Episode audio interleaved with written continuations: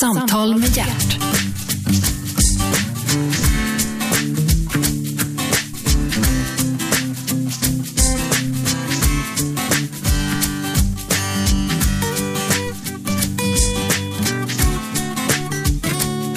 Ja, du lyssnar till Äntligen med Gert Fylking på Radio 1, Sveriges nya pratradio. Och idag ska du få träffa, välkommen Per Holknekt. Ja, men tack så väldigt mycket.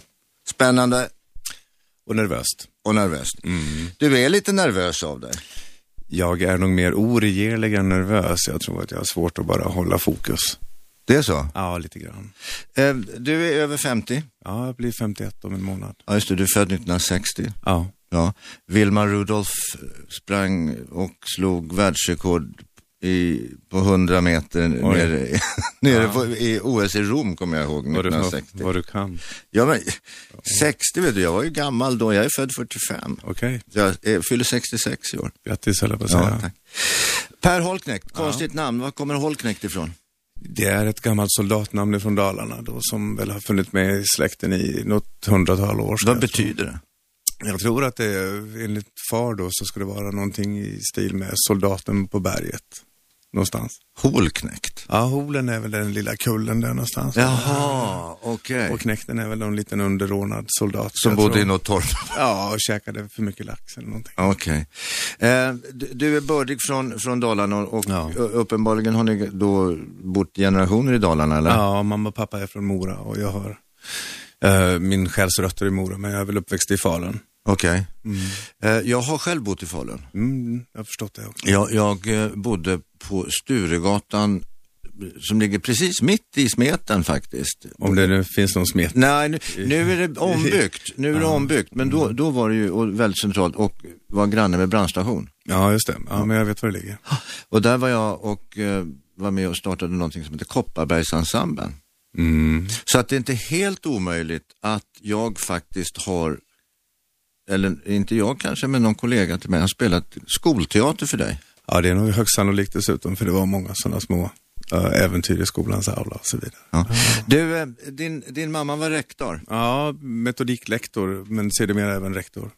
Hur på, påverkade det dig att ha, ha mamma som rektor? Jag tror att tills man fyller en viss ålder så är det ju bara av godo. Sen så kommer man upp i tuffa gänget åldern och då kan det bli en, ett ok om foten lite grann. Så att man ska leva upp till förväntningarna. I, För min pappa var rektor.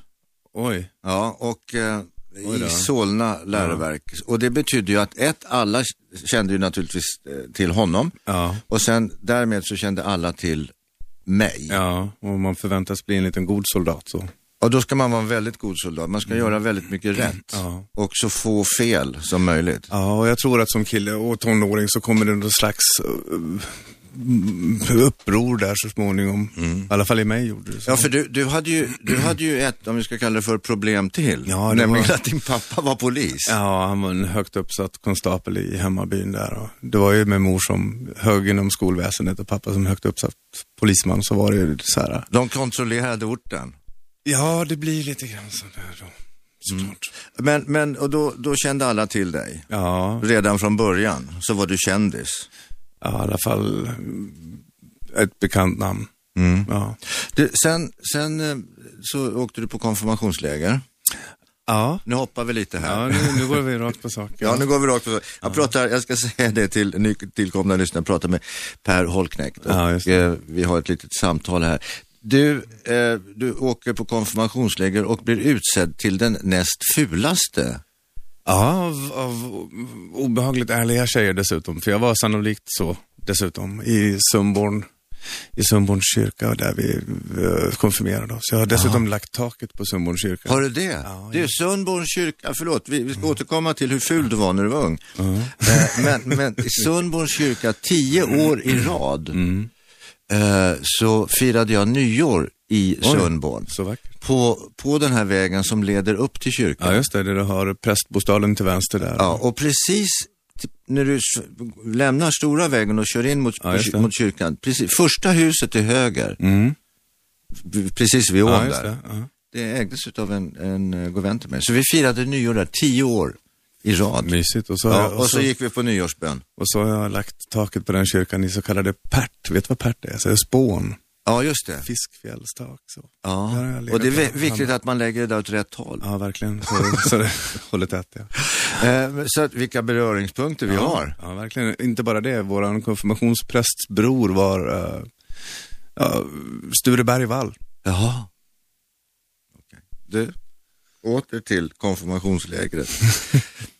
Eh, du, f- du är 15 år, du ska konfirmera dig och tjejerna utser dig alltså, Ja. Per Holknekt, till den näst Näst- fulaste. näst fulaste. Stora öron, lång hals och finnar och, och hårpolisonger och osäker och lite yngre än alla andra. Jag hoppade över någon klass i skolan. Så Jaha. Hur, hur tog du emot den eh, utmärkelsen? Jag tror att jag redan i tidig ålder hade jävligt dåligt självförtroende så det där kom väl bara som någon slags bekräftelse på det. Så att, Till, och med, till och med det var någon som hade sagt att du är så ful när du ler. ja, det var faktiskt den första tjejen jag någon gång fick hångla med. Hon sa, fan Per du är så ful när du ler och det där. Jag tror- För det brukar ju ändå, att le brukar ju ändå vara, Något mysigt ja. ja. Ja. nej, det där har jag, jag, har, jag vet inte om du har sett mig le på bild sedan dess. jag har gått, vad är det, 36 år nu. Mm. men hur har det påverkat eh, ditt förhållande till kvinnor? Jag vet inte om det har påverkat mitt förhållande till kvinnor på något som helst vis, utan jag har ju liksom förstått att Gud fader har gett mig mina fem kort och jag fick liksom klöver fyra, rutor nio och spader åtta och sådär. Jag får spela efter bästa förmåga bara. Ja, men det har du ju gjort. Ja, Eh, Okej, du, du, du, eh, du var där i, i, eh, i Dalarna och, Ja. och konfirmerade dig och var näst fulast Ja, och, och bar det med dig. Va- vad ägnade du dig åt på fritiden? Ja, Men det som händer när man är 15 år och helt plötsligt ska då vinna plats i, i gängets hierarki, det är att det kommer något litet uppror där på vägen. Man ska ju bevisa att man inte alls är som mor och far. Och, och så tar man i lite grann för hårt och i en liten bygd så färrar det av sig jävligt fort. Vad gjorde du? Ja, jag började festa runt och härja runt och jag slutade spela med i lagsporter och sådär. Och, Okej. Du vet, man, man, man är ju fostrad i fotbollströja, hockeytröja och sådär. Ja. Och jag började slå mig fri och började åka skateboard och så här. Och, och det som på den tiden väl var, inte bara en rullbräda, utan det var någon slags eh, anti-statement också. Den här- Men, men skateboard då, alltså nu pratar vi 1977 Sju. 77 ungefär. Mm. Eh, det var första vågen med skateboarden. Ja, den här gallerian-vågen och det det var. Ja, gallerians gång är mitt andra hem. Precis, och skateboarden blev någon slags punkbil som de kallade det för. Ja. Det var någon slags, eh, ja, någon slags anti-statement mot, mot etablissemanget. Det var lite Hur pol- togs, det politik. emot, hur, hur togs det emot hemma? Vet du vad, det här är en lite, ett litet sorgebarn i mig för att det, för mig var det ju det här otroligt viktigt och stort och det gjorde mig glad. Mm. Men eh, det var inte alls jätteuppskattat sådär utan jag tror eh, under hela min karriär från då tills jag la ner som proffs då kanske tio år senare så tror inte jag att eh, jag hade eh, morsan och farsan som åskådare någon gång. Men vill, hade de andra ambitioner med dig? Kände du det? Ja, det är klart att eh, alla föräldrar vill väl att barnen ska bli tennisproffs eller, eller läkare. Så. Och jag, Ja. vill, jag vill ju någonting annat och jag var ju lite mer vildvuxen. Sådär. Ha, har, har du syskon? Jag har en bror som är fyra år äldre. Okej. Men, men stod han, var han på ditt lag eller stod han i föräldrarnas mål? Nej, jag tror att han var likadan som jag fast han var lite mer grovhuggen än jag. Jag var alltid lite så mjukis som barn. Jag var så här, tjejerna ville inte ligga med mig för att jag ville ju så här, bara prata känslor. ja, men du vet, jag kunde virka och jag spelade tvärflöjt och sådär. Jaha. Okej, ja, men det, är lite, det, det där är nästan lite bögvarning på det. Ja, det är stor bögvarning på mig. Dessutom. Det är det? Ja, absolut. Killar stöter på mig. Det är så? Ja, Härligt. ja lite. Ja, men det, det är väl inget fel att vara omtyckt? Nej, absolut inte. Jag är frisinnad, så jag, jag är ganska okrånglig av mig. Ja, men, ja, men det är jag också. Dessutom är man en man som i grund och botten har ett lite dåligt självförtroende så, så kommer alla komplimanger in som läskpapper. Så Ja, just det. jag tar åt mig. Eh, men, men ja, du, slut, du, du började att spela ishockey och du slutade på en skateboard. Ja, ja fortsatte, tog jag, ja. Jag har väl inte slutat än då hoppas jag, men Men, men, men, men eh, skateboard blev det. när, absolut. när, när eh, att bli duktig, du blev ju så småningom faktiskt proffs eh, på Ja, skateboard. Men, men även, vi ska lägga till här, Paul Helk- Holknekt var också väldigt duktig Per, på flip. Per. Mm. Förlåt, Per Holknekt. Ja, Jag har också en bokstavskombination. ja, ja. Också. ja, vi har mycket gemensamt. Eh, per, eh, flip Det var ju också en stor grej. Ja, redan kring tidigt 70 där så, så blev jag lite besatt utav flipper och alla så här små saker som, som gjorde att man kunde, det var lätt att vinna en match i flipper och det var lätt att bli, slå grabbarna i minigolf och skateboard och sådär. Det var ju värre att bli champion i att springa 60 meter och sånt där. Alltså. Jo, men v- det, det här var ju lite udda grejer. Ja, som, absolut. du valde udda grejer. Tror du att det var medvetet för att du skulle bli bäst fort? Eller? Jag är ju en tävlingskaraktär så för mig är det mycket lättare att bli främst i någonting som har begränsad konkurrens. Såklart.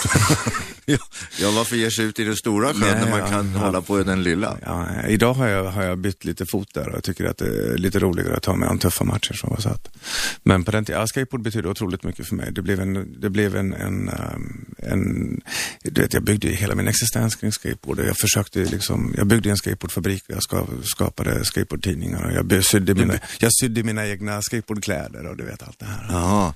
Du gjorde en tidning sa du? Ja, jag gjorde en skateboardtidning ja, som handlade om mig. Den enda stjärnan. Ja, men jag var ju tvungen att marknadsföra mig själv och Ja, by- bygga men, men mig. du, fattade, du fattade att det var viktigt att marknadsföra sig. Absolut, absolut. Den här, den här eh, skateboardtidningen då, Mm, CP Skateboard News. jag bara en sån sak. Det- hur, hur, hur distribuerade du den? Hur fick du, finansierade du den? För det, jag menar, göra en tidning, det kan ju var och en drömma om, men det är ju inte bara att göra. Nej, jag, köpte, jag, jag fick ju tag i sådana här lättare sätt, gnuggisark då, så jag satt och gnuggade tidningen bokstav för bokstav och sen så tog jag jobb på tryckeri så jag kunde trycka den gratis och sen så gick jag och... Knackade. Ba, ba, ja, i princip. Bar kartonger med på skateboardtävlingar och sålde tidningar till kompisarna som... Åkte. Va, Vad kostar tidningen? Jag tror de kostade fem spänn tror jag. Okej. Men hade det varit bilder i också? Ja, absolut, det var bilder. På dig då? Ja, bara på mig. Men, men eh, du, Ja, i stort Eh, du höll, när, när, när började du med skateboard? Hur gammal sett. var du? Jag var 17 år när jag började med skateboard. Du var 17 år, Ja. hade hjälm. Nej, vet du vad? Skydd, så fort jag bröt en handled så kunde jag ta på ett handledsskydd dagen efter och slog jag någonting eh, så att eh, jag fick sy i mitt huvud så blev det hjälm dagen efter och sådär. Och sen när det hade läkt så tog man av hjälmen igen. Ja, därför att jag, jag vet här i Stockholm har vi ju lite sådana skateboardramper och bland annat en som ligger nere i Björns trädgård på just det. Södermalm. Fantastiskt, ja. Ja, det är, en fin, det är några fina gropar där som folk åker i. Och Men Mm. händer jävlar vad folk slår sig alltså. Ja, men det, det ingår i kalkylen. När jag åker du skateboard så vet jag att det här kommer göra ont och, och, och sådär. Så Men det knepiga i de där groparna, det är att när ambulanspersonalen väl kommer, då kommer de inte ner. ja ner kommer de, men inte sen ska, upp. sen ska de ju ha upp bår och stödkrage och skit. Jag vet inte hur många stygn och hur många benbrott jag har. Jag har ju 12 handledsbrott bara som ett exempel. Så att eh, det, Okej. så att det Ja. är ett, ett gammalt vrak. Ett- Nej. Ja, och- men jag tror nog att jag hör till så här, människodemonteringen.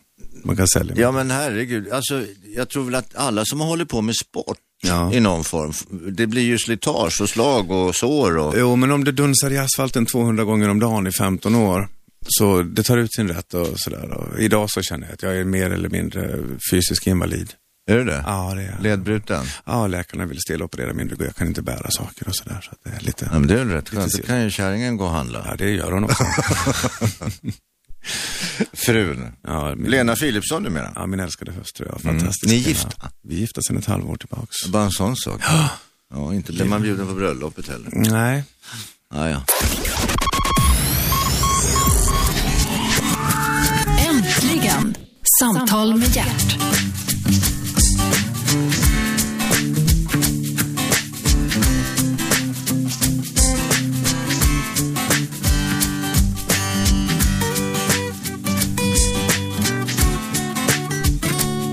Sådär. Oj. Ja, där hörs du. Ja, just det, exakt. Sitter här och pratar med Per Holknekt. Eh, du lyssnar till Äntligen med Gert Fylking på Radio 1, Sveriges nya pratradio. Per Holknekt, eh, ett brokigt liv. Du bröt dig loss, kan man säga det, eh, sådär 15-16 års ålder. Ja, jag gjorde nog mitt eget avtryck helt plötsligt. En liten revolt. Ja, det gjorde jag. Eh, Som B- tog... började köra, eller det gör, kör gör man väl inte, men man åker skateboard och man spelar flipper. Ja, Jag tror att jag valde att hamna utanför de här eh, samhälleliga förväntningarna med att man ska göra si och så, det här, så ser din väg ut. Och jag ville staka ut min egen bana och sen så tog jag väl ett stickspår där som... Men, men du var ju lite, du var ju lite en udda fågel ändå. Alltså, Mm. du, du sydde dina egna kläder. var det jag eller var det min fru?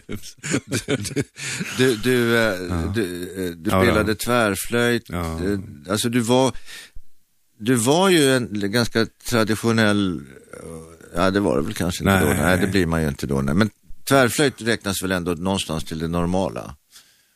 ja, även om grabbarna ville spela gitarr och sjunga och trummor och sådär. Och jag ville spela El Condor Pasa liksom. Ja, jag valde ett annat instrument. Jag valde banjo. Ja, bara skinnbanjo. Ja, jo, den, ja. Eller något. Eller något. Ja, du, jag ska berätta precis hur det är. Alltså, jag har, och det här är lite roligt för det har med Mm. Dalarna att göra.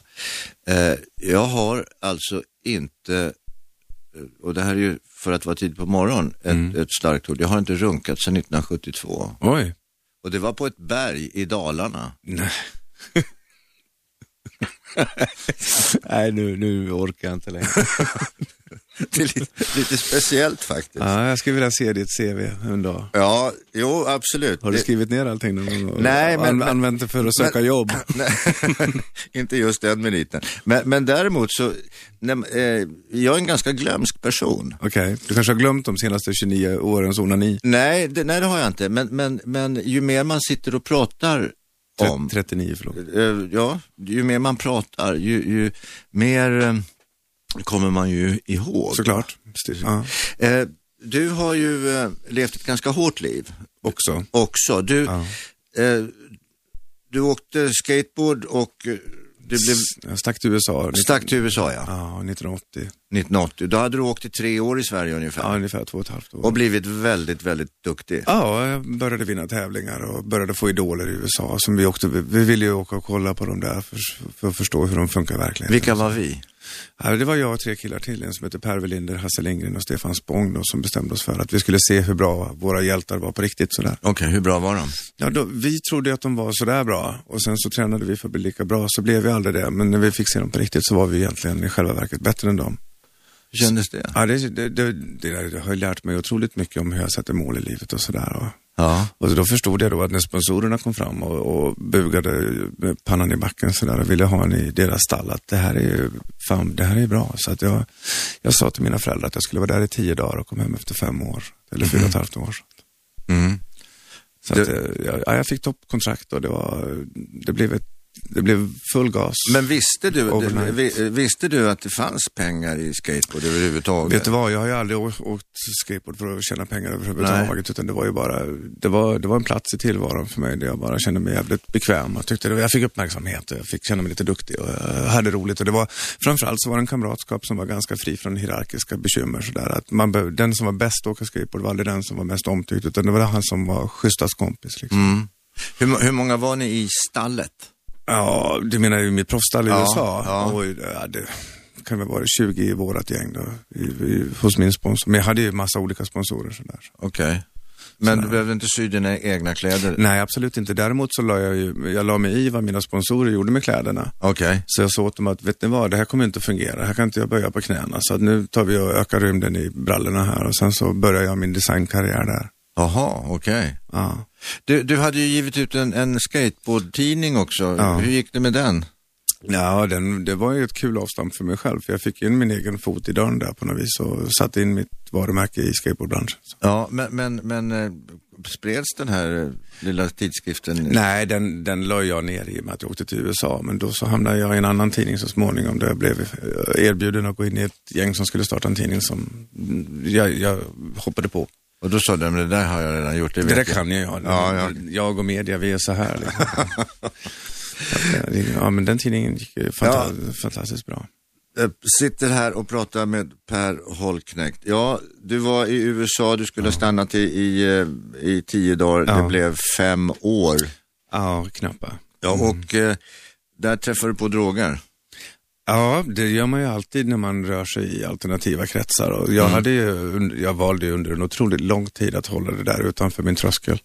Eftersom jag var fostrad i ganska så sunda värderingar och jag lärde mig hemifrån att det där med knark, det där håller man sig ifrån. Knarkare, de finns i Stockholm och sådär.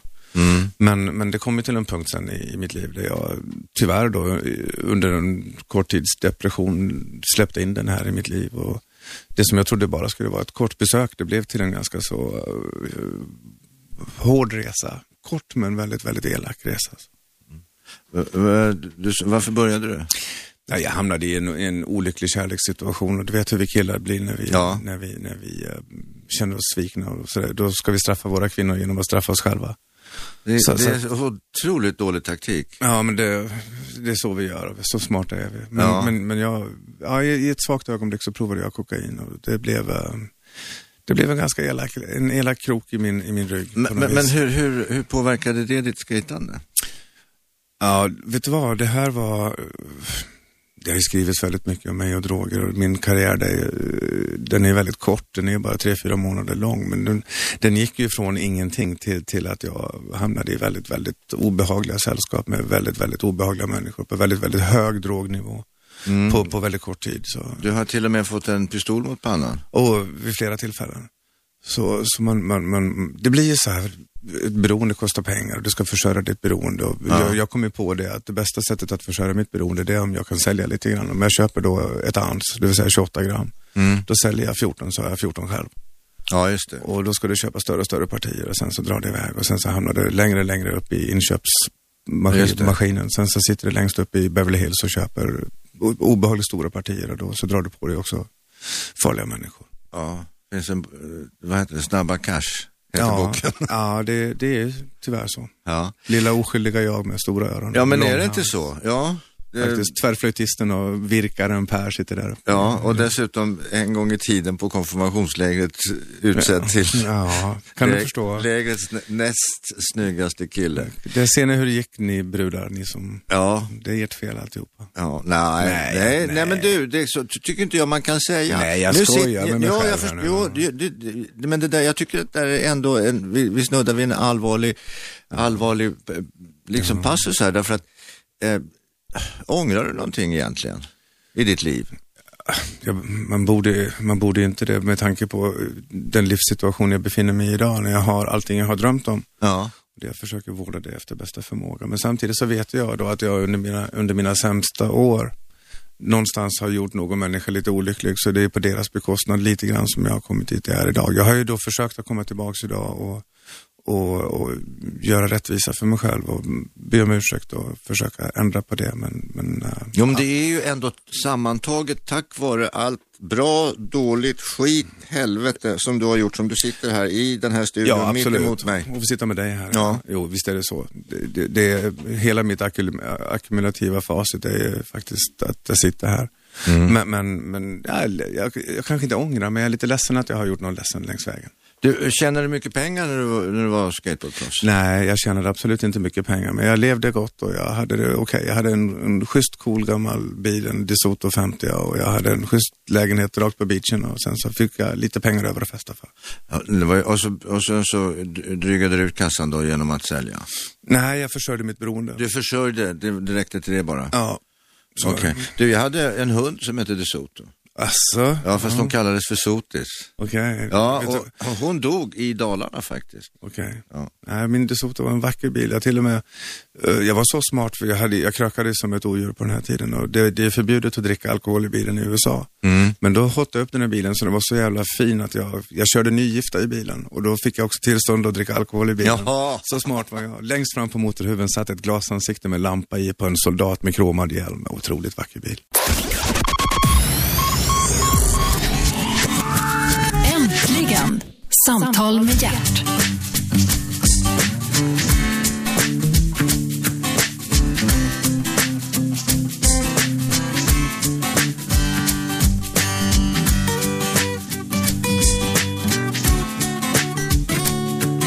Du lyssnar på Äntligen med Gert Fylking på Radio 1, Sveriges nya pratradio. Och idag sitter jag faktiskt och pratar med Per Holknekt. Välkommen!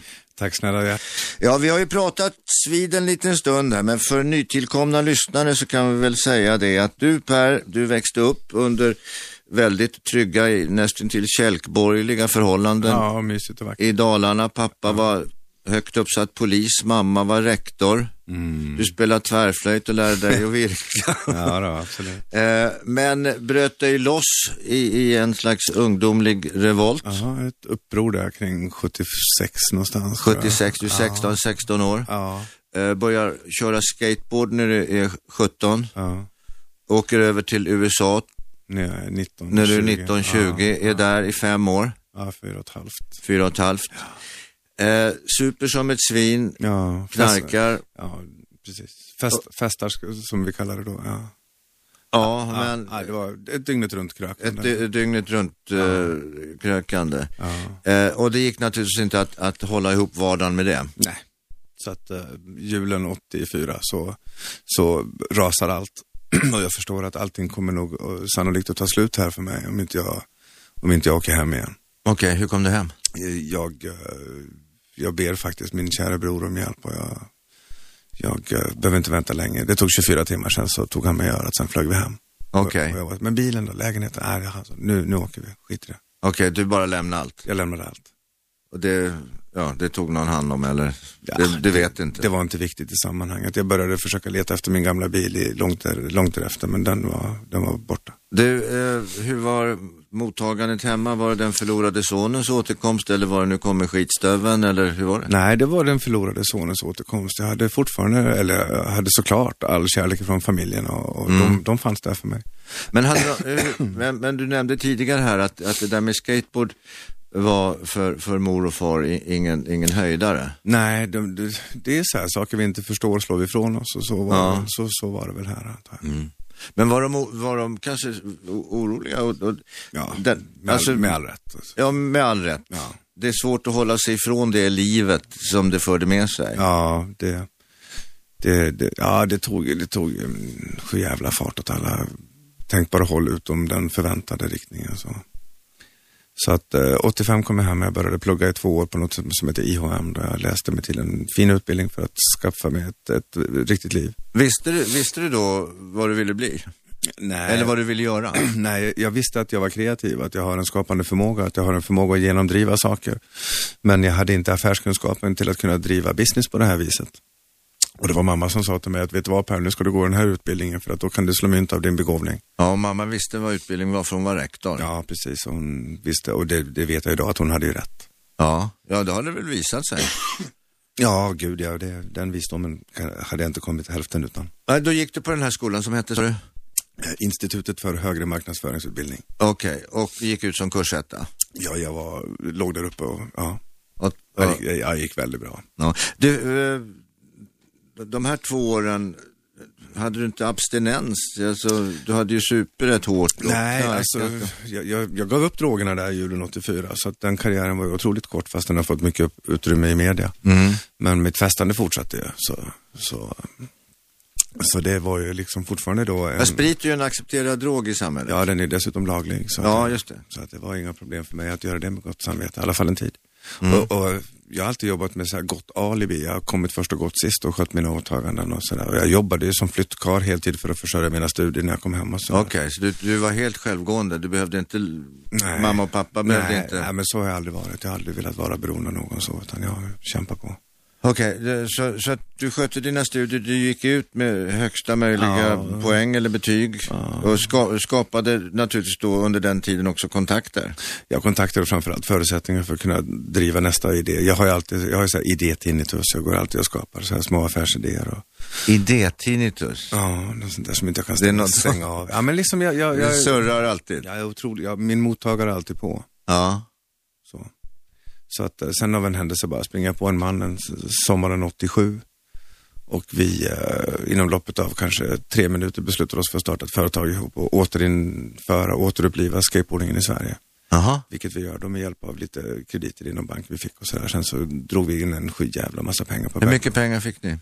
Ja, vi fick låna 300 000 spänn och, och, och, och det var ju jordnötter. f- Men vi lyckades vända ut och in på de här pengarna ganska fort och vi tjänade väldigt mycket pengar väldigt snabbt.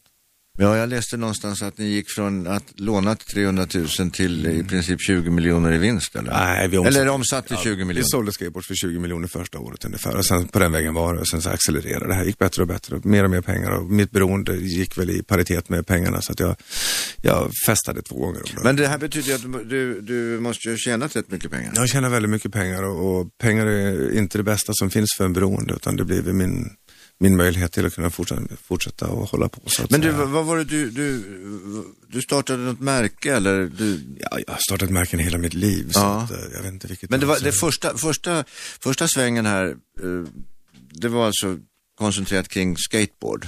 Det har nästan mer eller mindre alltid varit inom livsstilen kring skateboarding i alla fall. Jag drev ju butiker i stan som mm, närmade sig så här, med kläder och musiken och sådär också. Då, så. Åker du någon skateboard själv idag? Idag, nej absolut inte. Jag, Du är för gammal och ledbruten. ja, dels det och dels är jag, jag är inte en man av repetition sådär utan jag tycker om att, att passa på att uppleva nya saker medan jag lever. Men, men du har en, en dotter va? Jag har en dotter som är 16 år. Eh, hennes förhållande till skateboard. Vet du vad, vi har bara gjort en sak gemensamt på skateboard. Det var år 2000 när vi gjorde en tv-reklam för AMF Pension när vi skejtade ihop. En ganska gullig liten film dessutom. Okej. Men jag är sådär som Linda Evangelista, jag går inte ur sängen för under 100 000. Nej, nej, okej, ja, det är bra. du, eh, hon vet ju naturligtvis om, om sin pappas eh, Absolut. öden och äventyr Ja. och hon be- befinner sig själv nu i den åldern Ja. eh, som du var när du beslöt dig för att nu hittar jag på något här. Nu går jag min egen väg. Ja. Så jag, Hur, eh, hur är er relation när det gäller just den biten? För den finns ju hos alla tonåringar. absolut, och jag försöker väl bara vara en ganska så tillåtande far som finns inom armlängds avstånd sådär och vara ganska okont- o- okontrollerande men tillgänglig. Ja, okontrollerande men tillgänglig. Ja. Ja, men det är bra. ja, det tycker jag känns behagligt. Ja, jag har själv en, en kille som är 15 år och jag kan väl säga det att han, han, eh, ja, han har gått lite, lite för mycket egen. Han har inte hållit sig inom armlängds avstånd om Är vi det säger så? så. Är Ja. det så? Eh, och, och det där, eh, det är lite knepigt och han är så otroligt eh, stursk när han drar iväg och otroligt Är han nyfiken av sig? Ja, ja nyfiken på det sättet att, att eh, allting som inte är hemma är nog bättre. Ja, okej. Ja, ja. Men det är så, det är, han hittar hem till slut. Ja, ja för fasiken det gör han och han är otroligt ångerfull och, och eh, ber om ursäkt. Och, så att jag menar, det, ur det perspektivet så, så, så vet han ju att han har gjort eh, något som inte... Och han vet att du finns där. Ja, ja, absolut. Ja, men då Vi- så. vi finns där. Slu- Jaga honom bara inte så kommer han hem. jo, men det är det. Ja, för fan, jag vet ju själv hur det var när jag var ung. Jag stack hemifrån. Precis, exakt när jag var 17. Ja, du ser, det kommer... Jag liftade, hade, hade sju kronor, stack till Paris och var borta. Det var i maj. Mm. Så sa jag till morsan, du, nu så sticker jag till Paris. Mm. Jaha, sa hon, men glöm inte att vi äter middag klockan fem. Sen kom jag hem till jul. Ja, ja, ja, du ser. Så att eh, visst, alla har vi väl brutit oss loss på något sätt. Men Eh, så var det. Eh, ja. Ja. det var en liten utveck- utvikning där, men Ja. Per Holknekt. Eh, Nej, men så det höll det på sen då. Jag drev, startade bolaget 87 och sen så i olika former ihop med olika kollegor så drev vi det här fram till år 2000 då när jag, när jag föll på knä till slut. När jag, mitt, bis- mitt, mitt sätt att konsumera sprit i, i samband med jobb och familj. ja, du, Det är eh, Ohållbart. du, du räknade ut här att, att du konsumerade sprit för un- 600 spänn om dagen. Ja, Mot slutet. Ja, det är lågt räknat också då så att eh, det, Var det mycket sprit eller var det fina märken? ja, vet du vad, det där går ju liksom så här, det blev sämre och sämre märken om vi säger så. Ja, och sämre Och och, mer och mer och mer sprit. och, sämre, och sämre eh, st- ställen att supa Ja, på. man, man flyttar ju längre och längre ut ju mer man skäms över sitt beteende. Så. Ja. Ja, och till slut så blev det parkbänken. i början sitter du ju och maskerar ditt beroende på fina krogar i stan med fina etiketter och dricker sherry. ja. Och sen så på slutändan så sitter du och jagar billigaste möjliga bi- bira i Nynäshamn. Ja, jag vill säga det. Jag, alltså, det är ju det är ju en väldigt tragisk del utav, av, av eh, min historia, eller mitt liv. Jag hade ju en syster som söp ihjäl sig, Ja, jag har förstått det. som, som eh, faktiskt hamnade på, ja hon var på parkbänken. Ja, Och d- svårigheten svårigheten med, med sånt är ju att när de, människor är så beroende, när, när spriten är den enda Mm. vännen, då är det väldigt, väldigt svårt att tränga igenom skalet. ja såklart. Man kommer, man når inte. Nej. Man når, når inte fram vad man, än, vad man än beter sig, hur man än gör. Alltså, hon söp ju till och med bort barn. Ja, nej, men det finns ju en sån otrolig skam i det där också som gör att man förstår att man har själv försatt sig där. Så att det är så svårt att... Ja, och det då är så- kompenserar man det med sprit. Ja, så det är så Där var man det. otroligt, otroligt svårt att be om hjälp sen. Det är så otro... Fast någonstans inom det så vet jag att det här är inte bra. Eh, du, det, du, du höll på att supa ihjäl dig, Ja. eh, bokstavligen. Utan tvekan. Äntligen! Samtal med hjärt.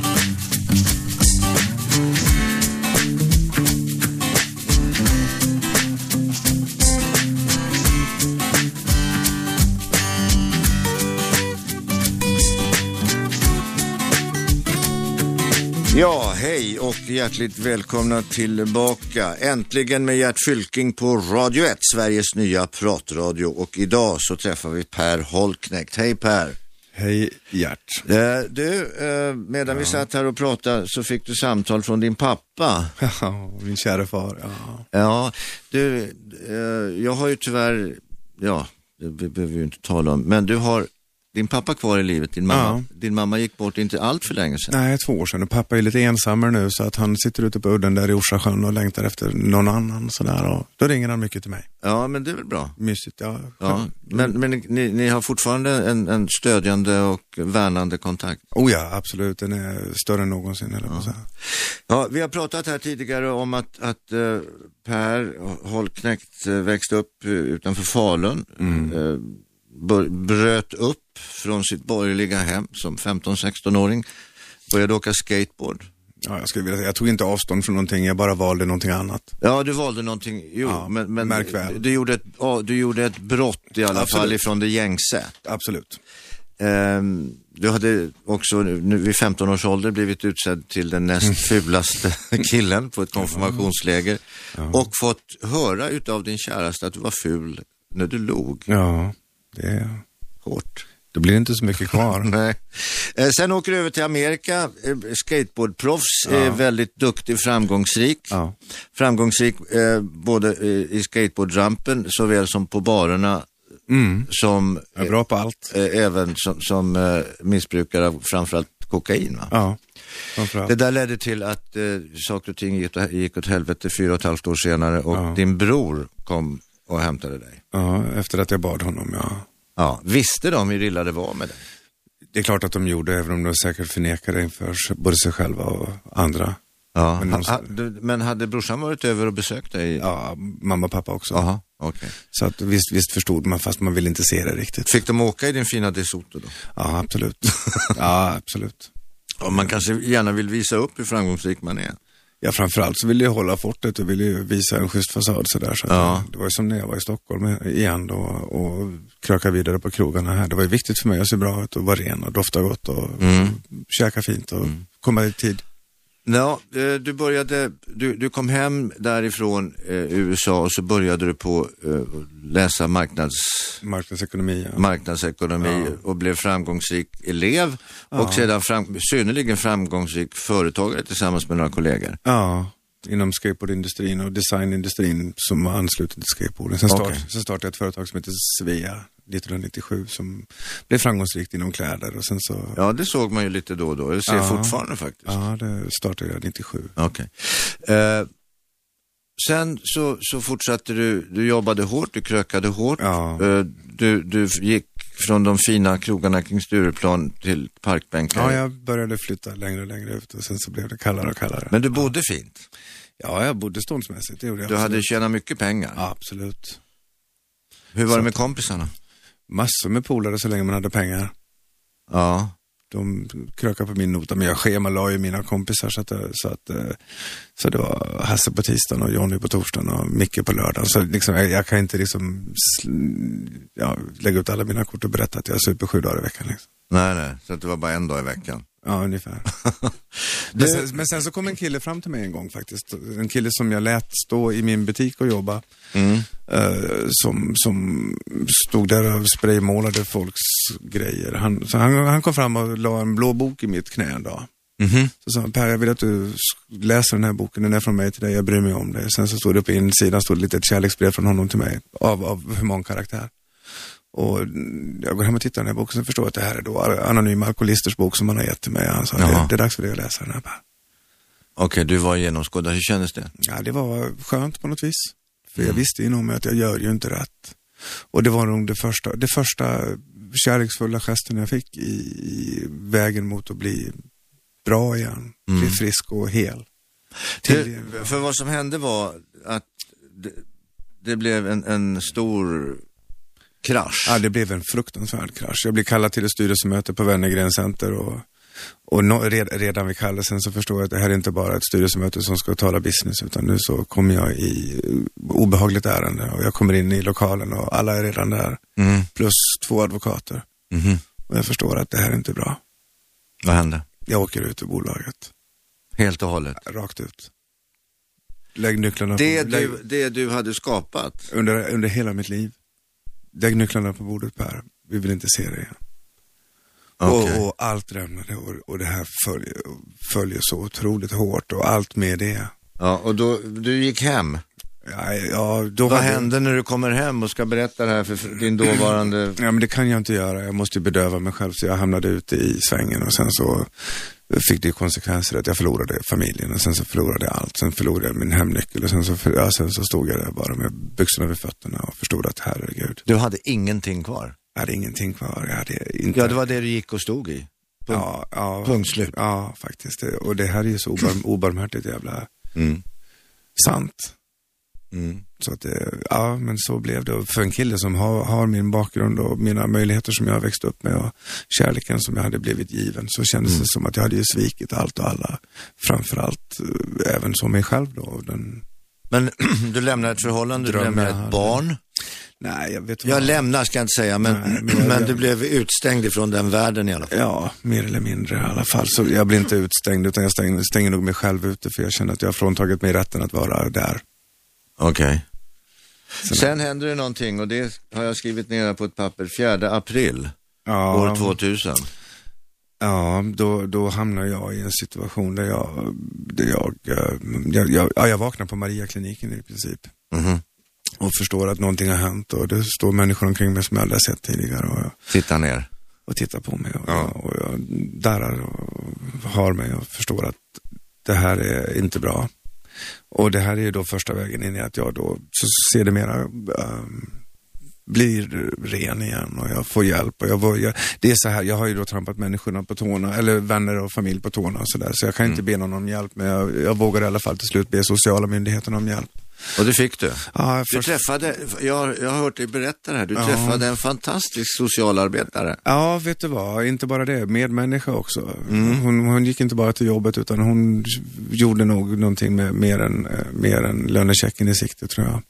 För att eh, inte bara ge mig mat, hon ger mig också eh, tilltro och hon ger mig eh, möjlighet till att eh, gå in i rehabilitering och så vidare. Och Följer upp mig och ser till att, att det här blir bra. Sen så blir jag ju då via stålbad och omvägar så blir jag ju ren igen. Då. Och nu är du nykter alkoholist. Ja, och nu så försöker man ju leva med nya perspektiv och nu har man ju kopplat in så här doft och samvete igen. Mhm. De är ju tillbaks i, i mitt väsen. Du, eh, tiden rider snabba hästar som det heter. Jag heter Gert Fylking och jag sitter här och pratar med Per Holknekt i Radio 1, Sveriges nya pratradio. Eh, du, Ja. det du har blivit mest känd för på senare år i alla fall, eh, det är väl Odd Molly? ja, det måste det absolut vara. Min, min, min bolagsframgång här. Ja, det är det. Det är ju en raketkarriär eh, karriär du har gjort. Ja, jag, har- jag har faktiskt gjort någonting väldigt bra som jag är otroligt stolt över såklart. Ja. Mm. Och, jag, jag, och det är ju inte bara här i Sverige, utan det är ju över hela världen. Ja, det är mycket mer utanför Sverige än i, på hemmaplan. Absolut. Ja, det, är- det, är- det är nästan ofattbart för att det är ändå bara jag. Jag tycker att jag är ganska ordinär sådär, men jag, jag har kämpat hårt. Ja, men det, det är ju det som är så fantastiskt, att alla människor är ju ordinära. Ja, det är därför jag känner så här. Snart blir jag genomskådad för så här bra kan jag inte vara. Men sen så fattar jag att ingen är särskilt märkvärdig utan det handlar, Nej. det handlar bara om att göra något. Att, att, jo, men det gäller ju att utnyttja sina begåvningar eller, eller sina möjligheter. eller, Oavsett hur de ser ut. Ja, så gäller det att utnyttja dem. Och, och du har ju f- en ut- möjlighet, eller haft möjlighet att utnyttja det här till max. Ja, men, Igen, oavsett vad det har gällt egentligen. ja det har, jag- så här är det. I mitt liv, allting på ytan har gått hur bra som helst. Jag har däremot misslyckats med att vårda mig själv då, och och livets viktiga. Ja, det var priset du fick betala. Ja, och, och, och det var det ju mer eller mindre inte värt fram tills dess att jag förstod att jag Nej, var- men annars hade det väl kanske varit så, om du hade, om du hade, varit, om du hade levt som en medelmåtta så hade det kanske blivit medelmåttigt resultat i andra ändan. Ja, så hade det väl varit olyckligt, mm, olyckligt på något annat vis, jag vet inte. Men idag så, livet som det ser ut idag med min kära hustru och min kontakt med mitt barn och, och mitt företag och mina kompisar och, och min kärlek till mig själv framförallt, som är återvunnen, så känns det som att så här vill jag ha det. Nu ska jag slåss som fan för att få behålla det jag har, inte bara jaga mer. Tack så hemskt mycket. Vi har pratat med Per Holknekt. Gert Fylking heter jag och du har lyssnat, eller du lyssnar på Radio 1, Sveriges nya pratradio. Vem tycker du att jag ska prata med? Du kan ju alltid mejla mig, hjärtradio1.se och så titta gärna in på vår hemsida radio1.se. Tack så hemskt mycket Per Ja, men vi- Holknekt. Tack så mycket. 101,9. Radio 1. Sveriges nya pratradio.